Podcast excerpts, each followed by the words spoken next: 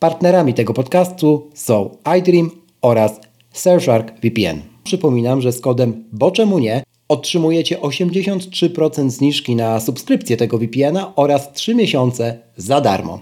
Szczegóły znajdziecie w linku w opisie tego odcinka i kolejnych. Surfshark jest zdecydowanie aplikacją, którą powinniście się zainteresować. Po prostu robi dobrze robotę, która do niego należy. Bardzo dziękuję Surfshark za zaufanie raz jeszcze, a my startujemy z odcinkiem.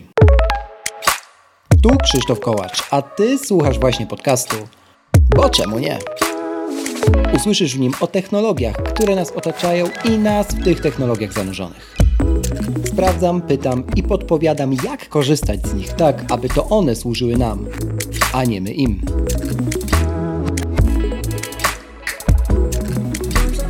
W dzisiejszym odcinku co to znaczy być power userem, pro userem, heavy userem? Ten odcinek ułatwi Ci wybór odpowiedniego dla Ciebie komputera Mac, ale nie dlatego, że Ci go wskażę, ale dlatego, że dam konkretną perspektywę i narzędzie, dzięki któremu podejmiesz odpowiednią dla siebie decyzję. Proszę, zostaw opinię na Apple Podcast lub na Spotify. Twój głos ma znaczenie. Zaczynamy! Witam Cię bardzo serdecznie w 244 odcinku podcastu Bo czemu nie? Dziś biorę na tapet temat, który powinienem był wziąć już od dłuższego czasu. Trochę się przed tym wzbraniałem z wielu powodów, ale też prosicie o to, że chcecie poznać moją opinię na ten temat. Zatem dziś stawiam takie oto pytanie: co to znaczy być pro-userem? Czy to w ogóle coś znaczy? Zastanowimy się wspólnie nad tym dzisiaj. Co ma na celu ten odcinek? Otóż słuchajcie, kochani, chciałbym ułatwić Wam wybór Maca odpowiedniego dla Was, ale nie poprzez wskazanie tej maszyny, czyli nie, że ja Wam powiem, jaka jest jedyna i słuszna, minimalna czy maksymalna konfiguracja tego czy innego komputera, bo to po pierwsze idiotyczne, mówiąc zupełnie wprost, Nigdy nie uważałem, że mam jakikolwiek mandat społeczny, aby mówić komukolwiek, co ma kupować albo czego mu kupować nie wolno i jak dobrze wiecie, mam alergię na tego typu retorykę. Mówiąc wprost, uważam, że jest ona szkodliwa społecznie. Zatem ten odcinek chciałbym, aby dał Wam konkretną perspektywę na całą sprawę bycia pro-userem, dzięki czemu podejmiecie odpowiednią dla siebie i swojego budżetu decyzję zakupową. Mam nadzieję, że mi się to uda. A zaczniemy od researchu, który zrobiłem do tego odcinka, nawet sięgając w takie miejsce jak Wikipedia. Otóż, co Wikipedia mówi na temat pro-usera, bo takie hasło w niej się znalazło. Przeczytajmy. Pro-user to użytkownik komputerów, oprogramowania i innych urządzeń elektronicznych, który korzysta z zaawansowanych funkcji sprzętu komputerowego, systemów operacyjnych, programów lub stron internetowych, które nie są używane przez przeciętnego użytkownika. Idźmy jeszcze pięterko niżej. Power łamane na heavy user może nie mieć rozległej wiedzy technicznej na temat systemów, z których nawet korzysta, ale charakteryzuje się raczej kompetencjami lub chęcią ich jak najintensywniejszego wykorzystania. W systemach oprogramowania dla przedsiębiorstw to może być formalna rola przypisana danej osobie, na przykład IT admin, który nie jest programistą lub nie musi nim być, ale posiada określoną, specyficzną i taką dziedzinową wiedzę na temat zarządzania flotą e, maszynową. Niektóre aplikacje są uważane za szczególnie odpowiednie dla zaawansowanych użytkowników, mówi dalej Wikipedia, i mogą być tak zaprojektowane, aby odpowiadały im zaawansowanym potrzebom. I tu się Wikipedia kończy. W dalszej części definicja jeszcze trochę definiuje mm, pewnego rodzaju rozróżnienia na użytkowników systemów bazodanowych i poszczególnych wersji systemu Windows. W sumie to nie wiem dlaczego ale całkowicie przy tym pomijając inne platformy Linuxa, Apple. No cóż. No dobra, to co to znaczy w ogóle w przypadku ekosystemu Apple, którym ja się w tym podcaście zajmuję, którego wy pewnie w większości korzystacie i jak w ogóle do tej e, sprawy podejść. Wracając na chwilę do początku tej definicji. Power user według Wikipedii to użytkownik, który korzysta z zaawansowanych funkcji. Co to w ogóle znaczy, że coś jest zaawansowane? Od tego chciałbym w tym odcinku wyjść, dlatego że tyle osób, ile definicji. Dla jednego zaawansowane może być modelowanie 3D, dla drugiego zaawansowane może być składanie dość prostych dla innej osoby arkuszy w Numbers czy w Excelu. Jeszcze inny może uznać za operację zaawansowaną projektowanie grafiki, nawet jeżeli będzie to logo podcastu. I tutaj sprawa się trochę zaczyna i w sumie kończy, bo gdybyśmy używali tej zero-jedynkowej definicji, na przykład z Wikipedii, i przyklejali ludziom łatki typu ty jesteś zaawansowany, pro heavy user, ja tu jestem przeciętniak. Zresztą przypominam Wam, że słowo przeciętny pada w tej bardzo nietrafionej moim zdaniem definicji. E, no to tak naprawdę robilibyśmy to, co robimy od lat e, w każdej innej sferze e, naszego życia. Szufladkowalibyśmy ludzi. Ty jesteś pro, więc trochę lepszy. Ja jestem normal, czyli taki, no w sumie sobie jestem, ale nikomu nie, ani nie wadzę, ani nie pomagam. Może w sumie nawet powinienem się wstydzić, że takim normalnym użytkownikiem cokolwiek by to miało oznaczać. W sumie też ten e, przymiotnik normalny oznacza. Ale jak sobie sięgniemy dalej w te definicje jeszcze e, z Wikipedii, to tam pada też takie zdanie Power Heavy User może nie mieć rozległej wiedzy technicznej na temat systemów, z których korzysta. I z tym drugim zdaniem to ja już się trochę bardziej zgadzam. I ono będzie punktem wyjścia do właściwej części odcinka. Sprawdziłem temat y, tak gdzieś około 15 lat wstecz. Zatem sięgnijmy do roku 2007 mm, i e, przeczytajmy, jak wtedy na łamach New York Times czy, mm, czy The Guardian definiowano e, w ogóle power userów. Tłumacząc wolna z angielskiego, widzimy trend do definiowania użytkowników zaawansowanych mm, i nazywania ich mianem power userów, zarówno w świecie Mac, jak i w świecie PC. W komputerach typu Mac taki Zaawansowany użytkownik to osoba, która bardzo dużo korzysta z programów typu Photoshop lub innych programów do edycji grafiki lub a także wideo i czasami na serio zajmuje się graniem lub projektowaniem gier. Definiujemy power userów e, jako tych, którzy używają bardziej wymagającego sprzętu w wysokich konfiguracjach. Natomiast w świecie PC power userzy pracują na bardzo szybkich procesorach Pentium e, i e, generalnie mają i bardzo często przekręcają zegary tych procesorów tak, aby umożliwić ich jak najbardziej zaawansowane działanie. Korzystają z wielu dysków, z wielu kart graficznych i przede wszystkim stawiają na wydajność maszyn, na których pracują.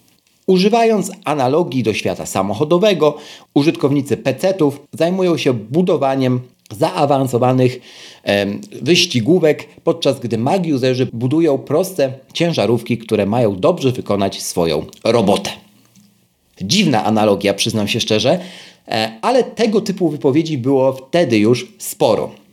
To główne nacechowanie na wydajność, czyli performance i e, wykonywanie prostych zadań no, pokutuje od ponad dekady, tak? I niektórzy w ogóle power userów definiują zatem poprzez zawód, który wykonują. Uh, this is Houston. Uh, say again, please. Houston, we have a problem. Ilość potrzebnej, czyli wykorzystywanej pamięci dysku do tej pracy. Inni, zwłaszcza w Polsce, poprzez ilość pamięci operacyjnej RAM. No, God, please, no! No! No! Jeszcze inni poprzez parametry jednostki CPU lub GPU, czyli w ogóle procesora w świecie Apple, no bo to wszystko jest w jednym teraz. Kolejni po aplikacjach, które ta czy inna grupa użytkowników ma w zwyczaju używać. I tak sprawdziłem sobie właśnie kilka artykułów z ostatnich pięciu lat tym razem, dotyczących takich właśnie, no wiecie, zestawień aplikacji dla, trzymając się tego określenia z tytułu odcinka, power userów. No i co w nich znalazłem? No to pozwólcie, że przeczytam pierwszą z brzegu e, taką rekomendację aplikacji dla ludzi, którzy są pro-userami e, Apple. Aplikacje typu Alfred, iStat Menus, SIP, Diagrams, Keynote, Numbers, Pages. Wiecie co? To są albo systemowe, albo maleńkie aplikacje, które pomagają wykonywać operacje na poziomie szkoły średniej, czy hobbysty nowych technologii. W sensie, no dla przykładu, Alfred to jest trochę bardziej rozbudowany Spotlight i no jeżeli nie jesteś powiedzmy zorientowany jakkolwiek, no to nie trafisz w ogóle na tą apkę. Dobrze, tu się mogę trochę zgodzić. iStat menu do pod, podglądu tego, ile ci pamięci na dysku zostało, no zostałem szacunkiem, ale jak wpiszesz w Google um, jak sprawdzić ilość zajętego miejsca na Macu, to wyświetli Ci się właśnie iStat i absolutnie nie jest to aplikacja dla użytkowników super zaawansowanych. SIP to jest próbnik kolorów, równie dobrze można używać systemowego, a Diagrams po, to pozwala robić proste e, wykresy mm, czy grafy, wykresy Ganta czy grafy. Na Pages, Numbers i Keynote to po prostu wbudowany pakiet biurowy e, w świecie Apple. Czy to są aplikacje dla heavy power userów? Nie sądzę. No ale dobra, sięgnijmy do tych bardziej poważnych propozycji z owych zestawień. No i tam czytamy już o pakiecie Adobe, aplikacjach do obróbki e, grafiki, audio i wideo, aplikacjach do wirtualizacji, aplikacjach korzystających z generatorów wspartych AI, e, aplikacjach medycznych, aplikacjach służących do budowania modeli naukowych i 3D modelingu, no i symulatorach. Tutaj jasne, to nie są aplikacje, które no, zainstaluje Kowalski czy Nowak. W takim razie, jak ja bym opisał tego power usera, skoro no nic mi nie pasuje? Mówiąc na bazie własnych doświadczeń z ponad 12 lat użytkowania platformy Apple, obserwacji całego rynku, zarówno za granicą, ale także w Polsce, pamiętając czasy, kiedy ten rynek w Polsce w ogóle się rodził, to mogę powiedzieć tak. Według mnie użytkownik, który w ogóle może myśleć o tym, aby nazywać się użytkownikiem pro, choć nie lubię tego określenia, powiedziałbym raczej użytkownikiem zaawansowanym. I to zaawansowanie wynika z kilku rzeczy, o których zaraz powiem.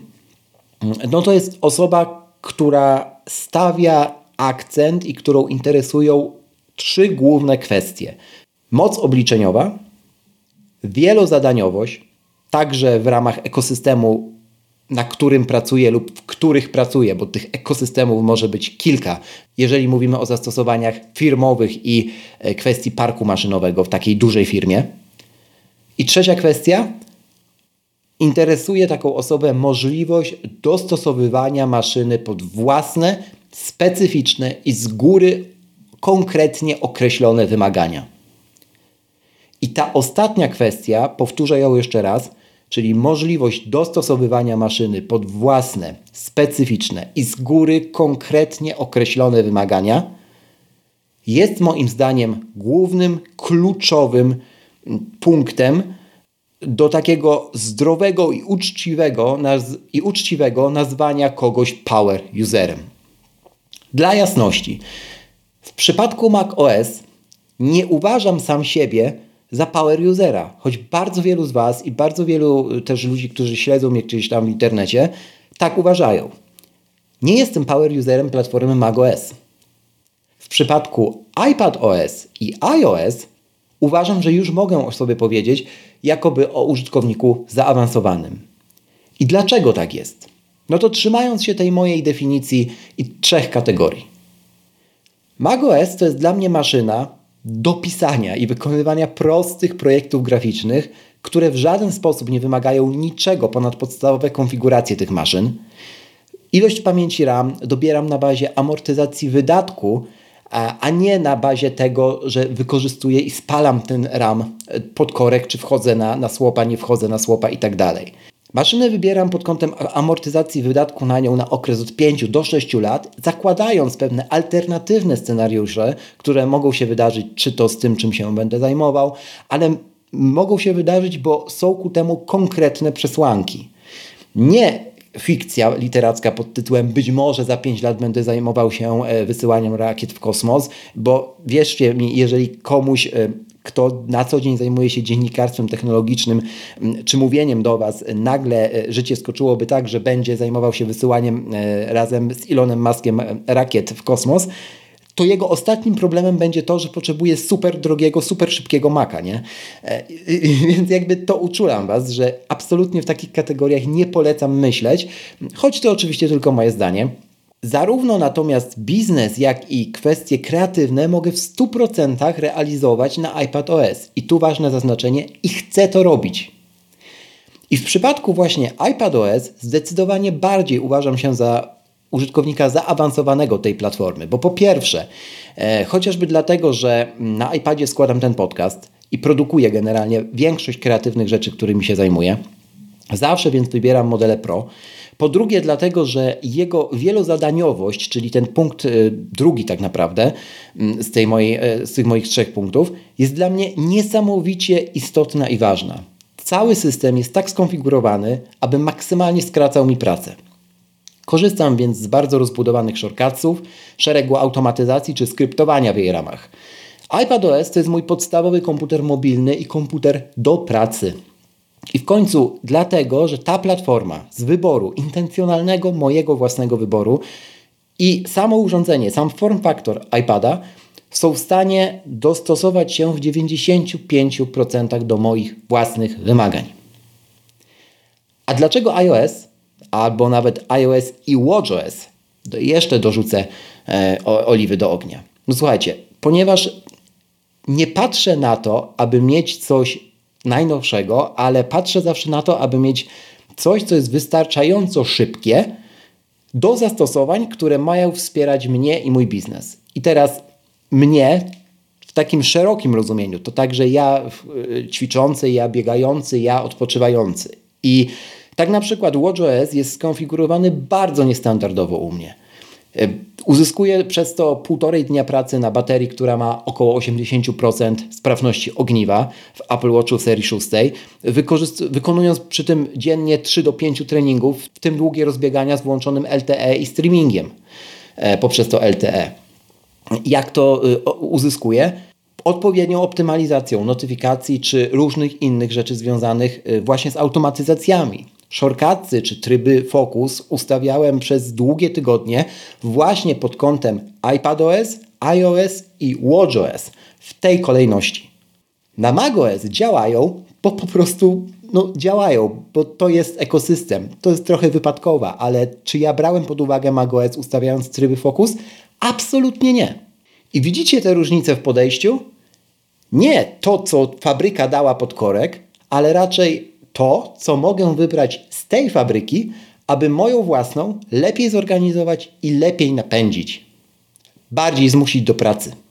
Nie to, co pod korek, ale to, dzięki czemu ja i mój biznes będzie w stanie pod ten korek, ale raczej tankować. I w końcu najważniejsze. Najpierw słuchajcie to, co ma zastosowanie w ramach trzech prostych pytań: why, where, how. Dlaczego tego potrzebuję? Tego konkretnego komputera. Gdzie będę go wykorzystywał, czyli gdzie go potrzebuję? Czy to są zastosowania mobilne, czy to jest zastosowanie w studiu, w biurze, w laboratorium? Gdzie? I jak to wykorzystam, aby spełnić to, o czym mówiłem przed momentem. Czyli aby mieć odpowiednią moc obliczeniową, być gotowym na wielozadaniowość, i mieć możliwość dostosowania tej czy innej maszyny, tej czy innej konfiguracji pod własne, specyficzne i z góry znane mnie samemu, konkretnie określone wymagania. Dopiero wtedy otwieram stronę iDream.pl i zastanawiam się, który model Maca wybrać dla siebie. I można się naprawdę nieźle zaskoczyć, kiedy podejdzie się do tego zdroworozsądkowo i zobaczy się, co jest dookoła nas, odpowie się na te trzy pytania właśnie samemu sobie, zamknie się trochę w takim magicznym pudełku wszystkich tych, którzy mówią nam o jedynych słusznych konfiguracjach, czy doradzają jakieś komputery, mówię ta, także o sobie tutaj, zamknie się tych wszystkich kołaczy i innych w pudełeczku, odłoży na chwilę na bok i zobaczy tak z ręką na serduchu na to, czego my potrzebujemy tu i teraz, co my wiemy o tu i teraz za ileś miesięcy, lat, dni, nie wiadomo, u każdego jest to inaczej. Czym my się właśnie zajmujemy i tak naprawdę czego my szukamy, dosyć oczywisty sposób wyjdzie nam samo. I trochę tak jest, że kiedy paru osobom doradziłem ten sposób podchodzenia do wyboru maszyny, to te osoby pokupowały sobie komputery i automagicznie używają ich do dziś, są z nich zadowolone. Wszystkie te osoby nie miały jednego czynnika stresu i presji. I ja bym chciał, żebyście z tego odcinka wynieśli tylko jedną, jedyną rzecz. Że jak kupujecie sobie Maca, to bez względu na to, co mówi otoczenie, co mówi bańka technologiczna, to pamiętajcie, że power user to może być określenie zarówno naukowca, jak i instagramera. Jeżeli ten instagramer przygotowuje swoje mm, posty czy grafiki, wykorzystując 200% możliwości automatyzacji tej czy innej platformy, kurczę, to dla mnie to jest użytkownik zaawansowany, power user, nie? Ale też, kiedy pytacie się, jakiego Maca kupić w 2023 roku, to jest jedna odpowiedź, moim zdaniem. Waszego. Pamiętajcie, że Pamiętajcie, że jest jeszcze jeden ważny składnik tego wszystkiego, o którym nikt w żadnych poradnikach, zestawieniach aplikacji nie powie Wam wprost. I ten składnik nazywa się sentyment.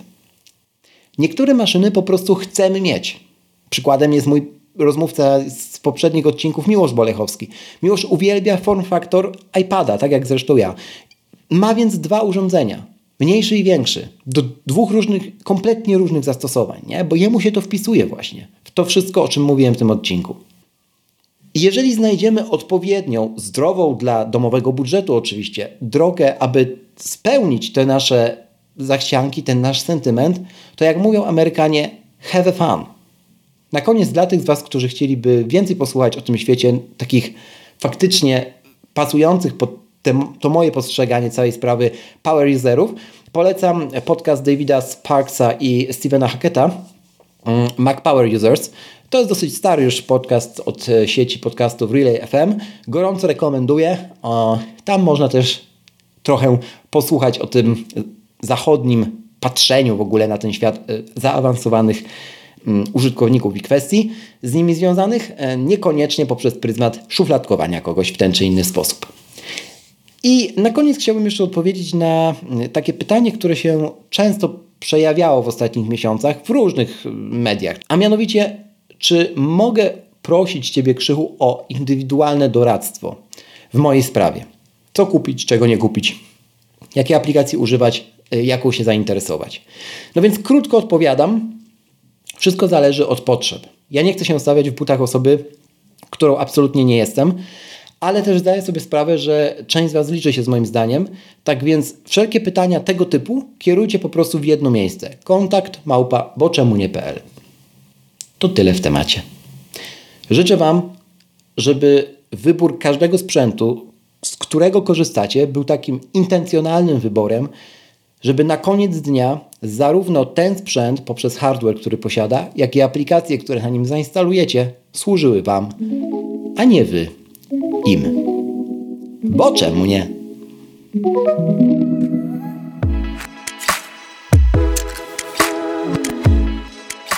Raz jeszcze, na koniec, żeby nie umknęło. Przypominam, zostaw Apple Podcast oraz na Spotify taką liczbę gwiazdek, jaką uznasz za stosowne. Do usłyszenia w kolejnym odcinku, a za dziś bardzo dziękuję.